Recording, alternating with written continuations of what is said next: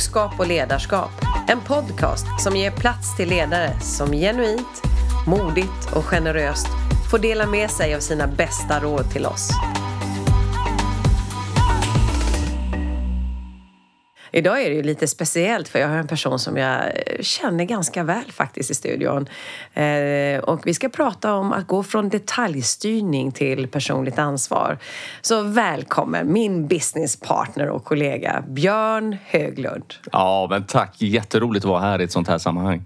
Ja, och jag, jag, jag är ju lite nyfiken. Alltså, innan du blev chef, eller rätt sagt när du växte upp, vad hade du för bild av ledare under den perioden i ditt liv? Ja, jag tror som många så får man ju väldigt kontakt med ledare först i föreningslivet och mitt fall var det ju att jag var scout. Ja, det är klart jag spelade lite bollsport och så här med, men det, jag var inte riktigt en kille med bollsinne så det blev scouter för mig. Och det var väl min första kontakt med vad, vad ledarskap faktiskt är. Och jag, eh, jag tror att det har präglat mig. Det är så spännande för att för ganska nyligen så hade vi en övning. Mina kollegor, vi pratade lite grann om våra värderingar. Och de som varit med i scouten vet att de har en värdering att det handlar om att lämna alltid en plats i bättre skick än när du kom. Vad menar man med det? För oss som inte har varit med i scouterna? Ja, nej men ni vet man har en, kanske kommit till en lägerplats och man är ute i naturen, man slår upp sina tält och allt vad det är för någonting. Mm, okay. mm. Men det är ju alltid viktigt när man lämnar markägarens eh, plats som det är i det här fallet mm. så ska ju inte de märka att man varit där utan tvärtom, det ska vara i bättre skick. Och jag har märkt att det där har nog påverkat mig mer än jag tror. För att jag känner spontant så att jag menar, om jag kommer till en arbetsplats eller om jag kommer till en, en, eh, möter en person eller en situation så har jag lite grann som devis att ja, men jag vill alltid lämna den i bättre skick än jag kom. Ibland lyckas jag, ibland inte. Men det är i alla fall en, en väldigt bra så här, devis. Så det är min första kontakt med ledarskapet. Mm, det var en god intention. Men hur blev det sen då? När du liksom började växa upp där och kanske kom in och började jobba själv. Vad, vad hade du då för reflektioner över ledarskap och ledare? Ja, uppriktigt sagt så det blev ju högskola och ekonomistudier och, och den tiden jobbar man ju mycket med att komma närmare företag med praktikfall och så här. Men jag fick nog en lite skev bild att det var väldigt akademiskt och väldigt korrekt och mm. att man jobbar saker och ting väldigt strukturerat. Och det upptäckte jag ju sen att så var det ju inte på de Nej. flesta ställen. Okay. Men jag tror, jag minns fortfarande en sån här person som, som jag idag inte ens minns namnet på men, men som sa en sak. Det var en föreläsning. Det var en chef från Ericsson som hade ansvar för att sätta Ericssons eh, verksamhet i Kina och expandera. Mm. Mm. Och det var jätteintressant att höra eh, hans bakgrund. Mm. Han sa någonting som tog skruv i mig. För han sa så här, nej men mitt yttersta mål som chef, det är att göra mig själv onödig. Mm. Och det låter ju lite så här, men vadå, man vill ju visa sig och ja. Ja, göra avtryck och så här. Men, men sen tänkte jag på det, det är ju det är genialt. För om du kan vara en så bra ledare så att du får en självgående organisation mm. eh, i en optimal värld såklart, men då, då har man ju verkligen lyckats. Mm. Mm. Kloka ord. Eh, jag tänkte på hur är det nu då när du eh, liksom började som ledare? För du fick ju ledarsvar, ja det är ju lite, ja det är ju början på 2000-talet blev du ju mm. chef och ledare. Vad upplevde du då? Ja, jösses. Ja, det var... Eh, I mitt fall så var det så att jag var, tog väl trapporna, höll säga, för att jag, jag hade mycket fokus på att leverera försäljning och mm. leverera utbildningar, mm. bland annat i dekanvärlden. Sen var det 2003 så fick jag eh, ansvaret för vår verksamhet här i Stockholm. Och det var en tid som var väldigt omtumlande efter IT-krisen och mm. resultatmässigt hade vi jätteutmaningar som vi behövde vända. Och då var ju jag en i teamet som fick mm. gå upp och bli chef. Jag var egentligen ja, yngre än flera av de som jobbade där också. Och jag mm. kände jag kände att wow, vilken kul, vilken möjlighet. Men jag kände också att Ja, jag är inte helt säker på att teamet applåderar till det här. Vad var det teamet gjorde som gjorde att du kände det då? Nej, men du vet, det blev samtal i bakgrunden och eh, jag upplevde att folk fjärmade sig och kanske den här kamratligheten försvann. Eh, jag var ju vän med flera, men jag upplevde liksom det blev en distans på något vis. Och eh, det som kanske var bra var att jag kände av det där ganska snabbt och jag insåg okej, okay, nu har vi väldigt mycket utmaningar. Jag kan inte börja peka med hela handen det första jag gör. Och jag, då fick jag en bra idé. Det var faktiskt kunder som, eh, där jag hade en, en, någon bra chef som sa det att han jobbar med att ha väldigt mycket individuella samtal. Mm. Och tänkte jag, men varför inte? Det kan man testa det med. Mm. Jag tror det är bra det med att hämta inspiration för sådana som redan varit med i samma situation innan. Och Då införde jag i mitt fall det här kallar för format som kallas för raskformatet. Vad betyder det då? Ja, jag vet inte, andra kanske har andra ord. Men, men i vårt fall var det att jag hade möten med varje medarbetare och kanske har ganska tätt i början. En mm. gång varje månad där man verkligen sitter ner en halvtimme, en timme och då först prata om resultat, vad liksom man har gjort sen sist och, och utifrån de målsättningar man har. Mm. Eh, och mitt mål var egentligen inte att jag skulle prata utan liksom ställa frågor så att de berättar vad de har åstadkommit så mycket mm. som möjligt där. Sen pratar vi med, okej okay, utifrån de målsättningar de har och vad är det som behöver ske nu framöver? Och egentligen samma sak. Och det var det som var så häftigt. Jag behövde liksom inte göra någonting. Jag behövde mm. bara vara nyfiken. Så här, men vad ska du göra? Vilka aktiviteter? Vad händer? Och sådär. Och de blev lite glada med att få berätta om det här och att jag lyssnade. Och sen, eh, ja S i det här fallet står för stöd support och det kan vara allting fråga, men du vad kan jag nu göra eh, mm. för att underlätta ditt arbete? Eller vad ser du att vi som organisation behöver göra för att du ska ha bästa möjliga förutsättningar och sånt där? Och i början minns jag att det kom upp en hel del punkter. Eh, och det som var lite spännande var när de här samtalen kom igång. För i början var lite oro om jag skulle komma med dålig information mm. eller budskap. Men när folk upptäckte att det var faktiskt bara ett samtal mm. eh, så blev det en mer positiv inställning till att folk verkligen kom och frågade efter det. Mm. Och jag upplevde att det som hände var att det blev ett självspelande piano. Det här med att man behövde hjälp med saker och ting försvann från bara nej, jag har allt jag behöver. Det är bara åk liksom. Och det gjorde ju att de bränderna som jag behövde släcka blev färre. Mm. Ehm, och K, jag kan säga, då kanske det mer handlar om kvalitet, kompetens, vad är det de mm. behöver för att utvecklas som person och mm. samma sak, vad kan vi göra som organisationer? Och det är lite häftigt, det är 20 år senare snart nu, eller ja, 15 mm. mm. plus i alla fall, har jag fortsatt arbeta med ungefär det formatet än mm. idag. Mm. Och det funkar bra? Ja, men jag tror det. Mm. det. Det som händer är att det blir lite mer, eh, ja men det har ju utvecklats. Det är mer individanpassat. Ah, ah, eh, vilken typ av stil det är och hur ofta vi har samtalen. Ah. Vad jag tänkte på när du, för det här är ju ett sätt att få människor att liksom hitta sina sätt att komma framåt. Och om vi då ska gå från detaljstyrning till och med mer personligt eh, ansvar. Vad upplever du är saker som behöver liksom vara på plats för att människor ska kunna ta det personliga ansvaret? Ja, det där är väl det som jag tror har varit min viktigaste lärdom. För att om jag backar tillbaka, när jag själv tog över verksamheten så var det en utmanande period. Vi behövde göra en, vi behövde göra en helomvändning, få ordning på ekonomin och i det fallet faktiskt säga upp en del medarbetare och ändra på saker och ting. Och det var ju, ja, det är ju inte det drömläge man vill komma in i. Och jag kände det här, liksom, det här vill jag aldrig mer komma in i. Det ska aldrig mer hända att vi hamnar i den här situationen. Och det gjorde liksom, det var behövde vara total ordning och reda i ekonomin, total ordning och reda i strukturer, arbetsprocesser. Mm. Eh, väldigt tydliga förväntningar på allihopa, målsättningar, mm. eh, rapporter från alla som jobbar med försäljningen. Vet. Mm. Och det, var, det var väldigt mycket detaljstyrning och det funkade. Vi gjorde en turnaround. Eh, vi fick resultat. Vi har gjort ett jättebra jobb under de här åren och, och så. Men det finns en avigsida med det och det är att jag känt en frustration. Eh, vet ju du också Berit, ibland så här när det inte går som man har tänkt sig eller personer som inte möter mm. upp de här förväntningarna mm. så finns det liksom inneboende frustration. Mm. Men varför tar de inte tag i det här? Mm. Och jag upplevde att jag nog gått den klassiska fällan att om jag styr för mycket då mm. blir ju personer mindre ansvarstagande mm, okay. och mindre självgående och det blir inte lika roligt. Mm. Eh, folk kan bli stressade. I värsta fall kan det leda till att vi förlorar bra medarbetare. Mm. Och, det här är någonting vi brottades med under några år. Vi liksom växte och så krympte och växte och krympte. Men hur fick du personer att sätta mål då som gjorde att de kände att de kunde liksom, liksom fylla upp den kostymen som du satte på dem? Ja, eh, ja men det var väl lite... Det var ju den här dialogen när vi pratade med varandra. Mm. Ja, men du har gjort det här, vad är nästa ja. nivå för dig? Eh, en del säljchefer säger att sikta mot stjärnan, snå mot månen. Och ja. Jag tycker att det där har för många nackdelar. Så jag är ju mer så här, men vi ska hela tiden ständigt söka en förbättring. Men det måste vara en rimlighet så att eh, medarbetaren ja. köper in på det. Men det handlar ju om att ha en dialog där man pratar om eh, smarta mål med, med mm. medarbetaren. Få dem till att dokumentera ner det, skriva ner det och sen det viktiga är att det inte bara blir en, ett dokument som man pratar om efter ett år igen utan att vi pratar om det liksom löpande i de här individuella mötena. Så att du följer upp dem hela tiden. Det tror jag är en, en nyckel till det. Har du något exempel som visar på, eller som du kommer ihåg, som är just när det här med att sätta mål?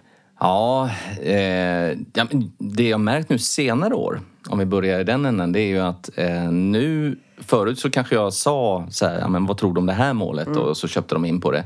Nu har vi vänt på skutan så att även personer som kanske bara jobbat några månader säger ja, men det är du som ska formulera dina egna mål. Mm. Jag har ju några fantastiska kollegor och jag vet jag vet att Elin eh, som började bara för något år sedan, hon berättade till exempel att hon var helt förvånad över att hon fick själv liksom drömma och sätta mm. mål som var ja, hisnande. Men att vi bara sa, men go for it. Och det tror jag är jättekraft i det här att inte chefen sätter målen utan medarbetaren gör det. Men sen har jag haft situationer när det inte blivit så bra. Mm. Som varit viktiga lärdomar med. Ja. Jag, har, jag hade en, en eh, kvinnlig, eh, väldigt duktig person, uppskattad instruktör och, och duktig försäljning och så, som eh, jobbade hos mig. Och, och, jag minns att när vi skulle sitta ner och prata målplan så hade hon, hon hade skrivit ner målen själv och hon hade skickat dem till mig i förväg. Men det enda var att jag var så frustrerad för jag såg, ja du ska sälja mindre och du ska leverera mindre träning. Har du tänkt gå ner i arbetstid? Vet? Och jag tänkte, varför då? Det var ju inte alls det jag ville ha. Så, du vet, jag hade byggt upp lite så här ja, men frustration, lite ilska i kroppen som man kan ha som chef då. Och så klurade jag liksom, hur ska vi göra det här? Och jag, du vet, jag läckte så att när jag pratade med henne redan i början på mötet så uttryckte jag min frustration. liksom, vad handlar det här om? Och hon liksom eh, suckade så här, la huvudet på sned och så liksom, ja men Björn, men, har du läst hela, har du läst min vision där? Och där står det ju att hon kommer bilda familj. Och hon var på väg att bli mamma och det var det hon skulle berätta för mig. Och jag känner mig så dum. Jag hade ju missat det här totalt och jag bara, hur har det här gått förbi mig? Mm. Och då kände jag, nej, där hade mitt lyssnande försvunnit och, och där gick den klassiska fällan. Jag hade för bråttom, jag lyssnade inte först. Mm. Så att den vill jag inte göra igen. Nej, det förstår jag. Nej, jag tänkte på, för du jobbar ju också med många kunder som sitter i samma problem. Att liksom hela tiden få deras säljorganisation att göra lite mer och nå de här målsättningarna som de sätter upp. Utifrån det perspektivet, upplever du är den största utmaningen hos våra kunder? Ja, eh, det är nog en mix där. Men jag tror faktiskt att det är som press på många organisationer. Så många glömmer det här enkla. Eh, jag vet själv, jag stod och pratade med en kund nyligen om det här med vad, vad, är det som gör att det blir så mycket konflikter och personalomsättning. För jag upplever faktiskt det att idag borde chefer vara mer upplysta än mm. någonsin. Men jag upplever faktiskt att det bara eskalerar eh, problem med personalomsättning. För det är ju att hitta rätt kompetens är väldigt, väldigt svårt. Mm. Och vad är det då man brister i? Ja, jag tror så här, väldigt enkelt. Steg ett, om du är ny som chef eller du har fått över ett team så är ju att det första du ska göra är faktiskt bara lyssna. Bara se till att eh, det är nästan så här, man pratar om boxing day, nästan gå in och mm. göra medarbetarnas jobb för att förstå vad de håller på med. Mm. Du behöver sitta ner och prata med varje person och höra var är de någonstans och vilka mm. förväntningar har de på dig som chef och ledare. Eh, du behöver såklart uttrycka din riktning och din förväntan du har på mm. dem, vad, vad, du skulle vilja se och se om du kan få en överenskommelse om det. Du behöver uttala tydliga målsättningar. Gärna då att medarbetaren själv får uppgift att formulera mm. det här men, men att de känner att de har ditt stöd i det här. Mm. Du behöver upprätta en tät dialog och här är också en sån vanligt misstag. Ibland har man veckomöten eller månadsmöten mm. Eh, tillsammans i gruppen. Mm. Och sen blir det väldigt mycket att man knackar dörr och ringer telefon. Men det vet ju ni också att i en stressig vardag hinner man inte sitta ner och prata. Vad händer i en privat arenan? Eh, och, det här. och jag tror att man faktiskt måste planera in att man har ansiktstid en och en mm. där man kan prata lite mer djuplodande mm. om vad som händer och pågår mm. oftare. Mm. Och jag blir så förtvivlad alla de här utvecklingssamtalen eller lönesamtalen som sker varje år. Det känns så Ja, det känns väldigt omodernt idag att jobba på det sättet. Mm. Utan man måste ha mycket tätare mm. dialog. Har man de bitarna på plats, då har man i alla fall en grund med förtroendet på plats. Eh, och jag tror faktiskt det är de enkla grunderna som många missar idag. Mm. Det är det jag har. Du är ju en person som du jobbar operativt med i vår verksamhet och du har ju familj och du har liksom saker och ting runt omkring som ska få ihop och din agenda är ju väldigt späckad, för vi delar ju kalender så jag kan ju se det också. ja, jag tror vi delar den vardagen och ja. många som lyssnar med oss också. Ja, precis. Ja. Jag tänkte, och hur gör du för att få tiden att gå ihop? För det är som du säger, att det handlar ju om att kunna prioritera tid med medarbetarna och inte bara ta de här liksom, månatliga mötena till exempel. Då. Så, så hur gör du för att få tidshanteringen att gå ihop? Ja, du, jag önskar att jag inte kastar sten i glashus här nu men, nej, men jag har väl några saker som hjälper till i alla fall. Och en av de sakerna är eh, faktiskt hur jag väljer att tänka. Eh, jag tänker så här, nej, men jag gör mitt absolut bästa mm. för eh, allt jag kan göra. Eh, och det gör att jag sover gott på nätterna. Mm. Jag tror den dagen man börjar sova dåligt på nätterna då, då mm. är det farligt. Eh, det, det bara hjälper mig. Men det hjälper ju inte kanske den här dagliga frustrationen då. Men, men det jag gör rent praktiskt är... Eh, ja, men jag jobbar jättemycket prioritering. Jag, jag har nästan blivit mobbad för att jag sitter i mina Excel-blad och listar upp alla mina to-dos där istället för Outlook där jag jag, bara listar ner allting och så prioriterar. Ett, det här måste ske närmsta dagarna. Två, eh, närmsta veckorna. Eh, mm. Tre, den dagen jag hinner. Mm. Och sen prioritera A, B, C mellan de här ettorna och tvåorna. Och det, det gör jag liksom en, två gånger per dag. Så har jag listan, jag kan checka okay. av och så vet jag vad som ska ske. Sen ser jag nu då, oj, här är det för mycket som ska ske. Eh, så det jag har blivit bättre på det är att säga nej. Mm. Eh, det är ju någonting man hör en del säga. Men att mm. faktiskt säga, du, jag vill jättegärna hjälpa dig kan jag göra det vid den här tiden? Mm, eh, och då kanske det får man ju vara en rimlig tidpunkt. Eller att bara mm. vända på diskussionen. Du, när är det egentligen du behöver det? För jag är så här ivrig, jag vill ju hjälpa folk direkt. Och sen mm. visar det sig att de måste inte ha det nu. Utan det är kanske är någonting de kan ha om mm. två veckor. Mm. Och där tror jag är jätteviktigt som chef att faktiskt göra det. Sen den tredje delen nu som så sent som i morse ska jag säga. Så rannsakade mig själv för jag kände nu att jag hade pulsen uppe och ah, jag gjorde inte allt jag skulle. Men det var när jag bara tittade, vad är det egentligen jag gör idag som någon annan är mer lämplig att göra? Eh, och det, I mitt fall kan det vara att släppa projekt. Eh, det kan vara kunder, det kan vara vissa uppgifter. Att faktiskt använda teamet jag har runt omkring mig. Mm. Det gör att de växer och, och, jag kan fokusera mer på det som är mm. viktigt. Och det, det värsta är att den inventeringen behöver man göra då och då. Alltså mm. eh, och mm. ifrågasätta sig. Mm. Ja, en bra råd där. Och just det här med att säga nej är ju någonting som många vill göra men inte riktigt vet hur de ska göra. Så vi fick väldigt bra tips där. Tack för det.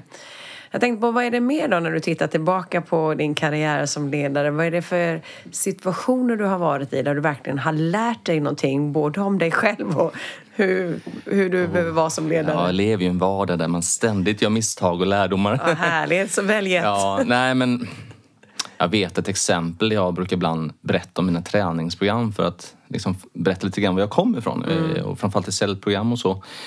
Eh, jag hade, eh, när, när jag började med jobba med försäljning så hade jag liksom kastats in i det här.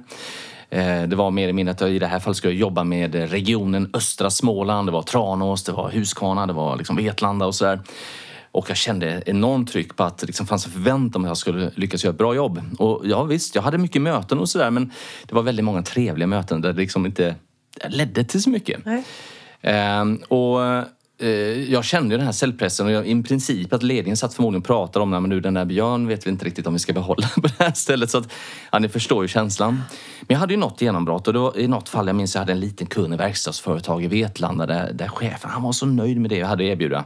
Och så sa han, men du, vet du vad? Jag har ett stort företag som tillverkar fönster här, kan ju ni gissa vilket det är. Eh, det var en affärsområdeschef och han och jag har pratat om det här. Det borde vara liksom perfekt läge för de behöver det här för många chefer. Och jag ringde och det kändes ju som att röda mattan var utrullad där.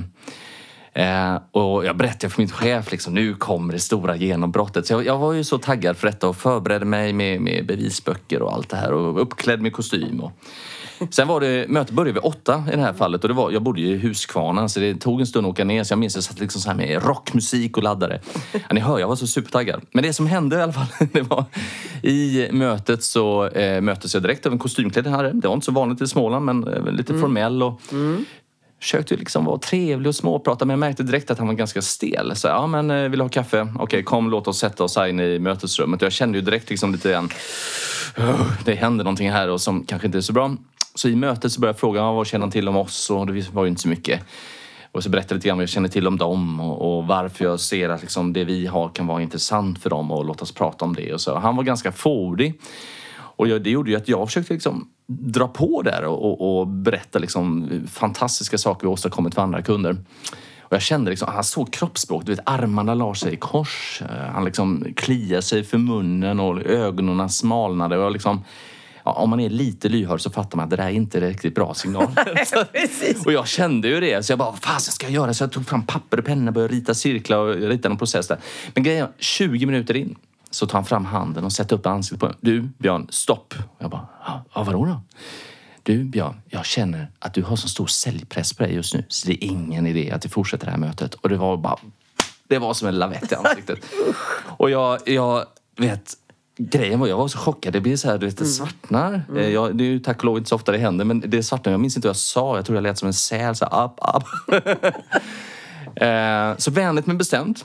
utvisar han mig ur lokalerna och jag, och jag försökte säga, ja men är det någon annan jag ska prata med, tajmingen rätt eller sånt där? Han bara, nej vi hör av oss när det är aktuellt, sa han. Mm. Ja, väldigt, väldigt avvisande helt enkelt. Och jag minns den här frustrationen, för jag kom ut på parkeringsplatsen. Det första som kom med det var att jag var så förbannad på honom. liksom, hur kunde han ha fräckheten? Jag var förberedd, jag pratade ut Du hade hans intresse. Ja, jag hade gjort allt liksom. Och ändå då säger han att jag har säljpress på mig. Och du vet, jag var så arg och liksom, vi hade ju bokat upp en timme och åkt långt. Och, ah. ja, och sen satt jag på bilvägen hem. Grejen, jag är inte den här som gråter ofta, men då, då hade jag jag hade faktiskt något hår i ö- ö- ögat så här, och jag minns min chef ringde mig dessutom och frågade hur gick det? Och jag bara, ah, eh, du, jag, jag vågar inte vara ärlig. så, jag sa, nej, ja, nej men du, det verkar tyvärr inte som timingen var rätt just nu. Men grejen var att, varför berättar jag det här? Jo, nej, men det var en sån här, jag tror vi ibland är med om den här ögonblicken. Eh, Det kan vara något positivt. I det här fallet var det skräck. Det var fruktansvärt. Men det var en sån här avgörande ögonblick. Så jag satt i bilen och ältade. Liksom, vad hände? Vad hände? Vad hände? Och så, här, och så liksom man återupprepar liksom varje ord vad som sades. Sen bara föll polletten ner. Ja. Ja, men det här var ju en av de här få gångerna jag mötte en person som sa vad han precis kände och tänkte. Han var ju väldigt schysst på så vis. Ja. Och han hade ju helt rätt. Jag var ju där, jag hade säljpress och allting. Och det var en sån jobbig upplevelse. Jag bara, nej det här får aldrig hända igen. Att jag ska komma in i möten där en kund känner att här har en typisk säljare på sig. Utan det var egentligen där det var min... Jag började lära mig mer om det här med försäljning och, och att det faktiskt finns ett mycket bättre sätt att jobba där du kan positionera som rådgivare istället. Och det här är så kul för att jag märker att det sättet att jobba är ju också någonting som jag haft väldigt stor nytta av som ledare. Alltså, eh, och det är till och med vi märker en del liksom, chefer då, är ju väldigt intresserade av säljträning för att det ligger väldigt i linje med de här ledarskapsverktygen fast det är mer konkret. Ja. Så att, eh, det har nog präglat mig mycket att vända på dialogen på ett sätt som har varit eh, ja, vinnande åren efteråt. Ja. Så eh, hur påverkar det då som ledare? Om vi säger om du sitter i ett samtal med en medarbetare. Hur, hur använder du den här erfarenheten då mer konkret? Ja, nej, men jag, är, eh, jag har oftast en plan och en idé om vart vi är på väg och sådär. Men det är kanske så att jag inte... Det beror ju på, det är lite situationsanpassat. Men, men i- om det är en stor förändring i organisationen så handlar det väldigt mycket om att involvera.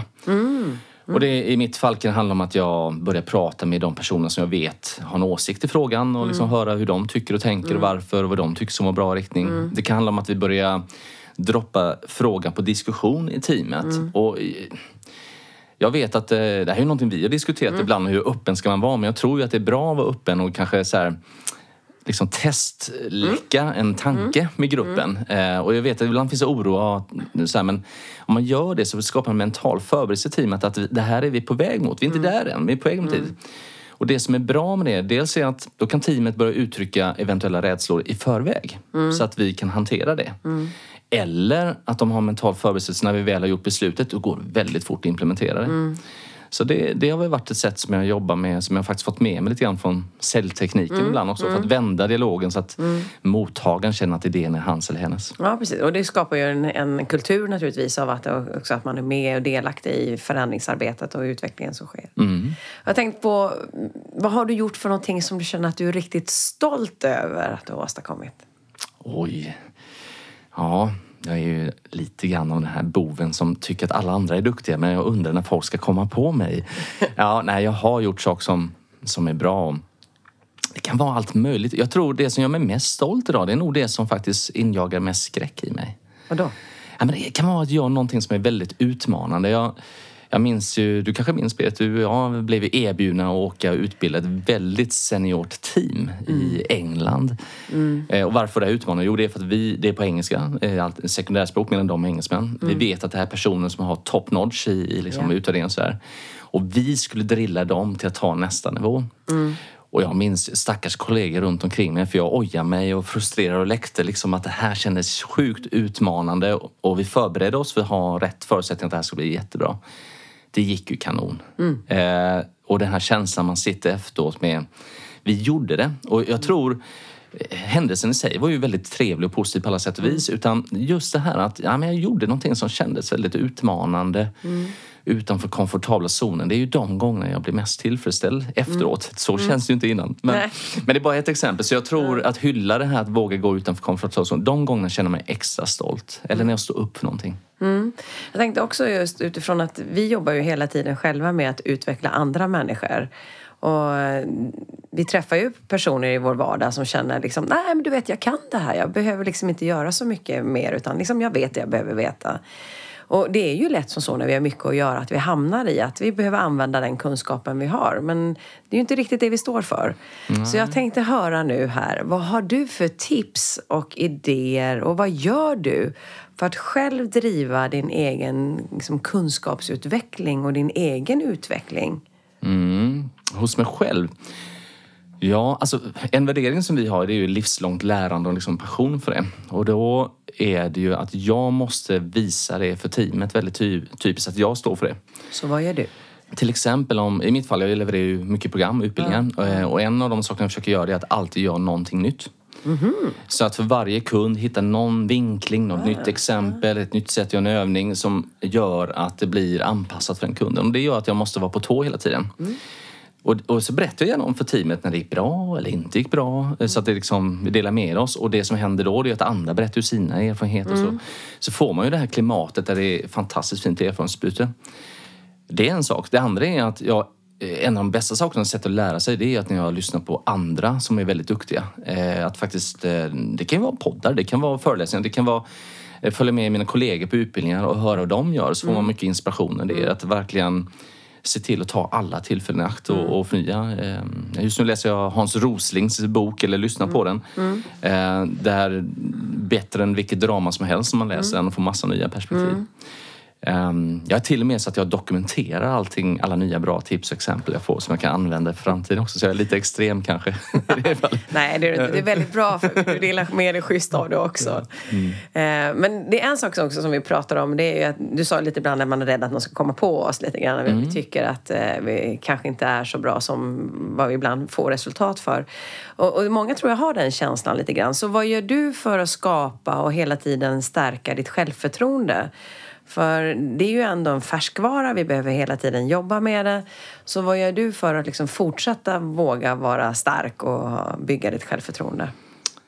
Ja, eh, det handlar nog återigen det här med att våga utmana sig tror jag. Mm. Eh, och, och men det är en kombination. Så här. Dels vara ödmjuk för när jag liksom känner att det här är utmanande att faktiskt våga berätta det för andra och liksom mm. blotta sina rädslor. Så här. Sen handlar det om att göra det där som, som jag vet är utmanande men det alltid känns mm. skönt att göra efteråt. Mm.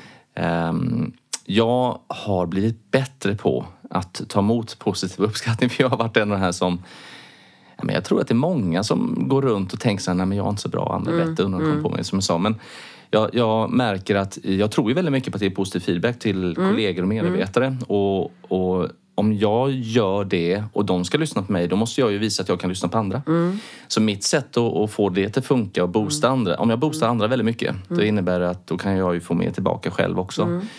Och då tvingas jag ju visa att jag liksom kan ta emot det. Men det är någonting som bygger. Mm. Eh, och skapa en miljö där det är mycket liksom, positiv uppskattning och så. Och jag, det är jag väldigt stolt för. Vi har en kultur som är jätteutmanande men där vi jobbar väldigt mycket med generösa internt. Mm. Hur, I dina kundprojekt, hur jobbar du där med att liksom driva utveckling? Och, för det är ju också som så att eh, vi kommer in i ett läge där det finns ett behov och vi kommer in och hjälper och just där och då är det liksom, där gör vi ett avtryck. Men hur gör du för att bibehålla man säger, relationen och dynamiken och hjälpa kunden att hela tiden få ut liksom maximalt av den insatsen som de faktiskt gör? Ja, det blir väldigt olika för olika kunder men mm. jag, jag, känner ju att många av de utmaningar företag har har ju mm. dykt upp i andra organisationer också. Mm. Vad är det för utmaningar du ser just nu som är... Eh, nej, men det kan vara ledarskapsutmaningarna. Mm. Att, som? Eh, ja, men vi har chefer som inte är närvarande eller som inte har satt upp mm. förutsättningarna och där mm. förtroendet inte är på plats. Eh, det kan vara klassiska, man har mycket projektorganisationer, matrisorganisationer där du leder personer som du inte har ansvar för. Mm. Eh, alltså du har inte personalansvaret och det innebär att du måste vara väldigt duktig på att bygga förtroende mm. och samarbete. Och det här är ju svårare med för nu har du ju folk på distans. Mm. Alltså utspritt över hela världen eller olika kontor. Hur gör du för att leda personer på andra områden? Så att det är en väldigt stor spridning. Ehm, och jag tror det som vi möter väldigt ofta det är ju fortfarande den här tron på quick fix. Ja, men vi lägger in dem i en liksom, kick-off, en dags utbildning, två dagars utbildning mm. och så får de jobba eller lyssna på någonting och så blir det bra. Det funkar ju inte så. Eh, och den, det är den största utmaningen vi har, att faktiskt prata med kunderna. Men är ni seriösa på att ni vill göra ett skifte? Mm. Är ni seriösa på att när vi sitter här om ett eller två år så ska ni ha sett ett resultat? Mm. Eh, ja, men då måste vi göra det här ordentligt. Mm. Eh, för att förändra människors beteenden och bygga upp förtroende, det gör du inte Nej. Över en quick fix. Utan det måste man jobba. Och den, ibland lyckas vi, mm. ibland lyckas vi inte.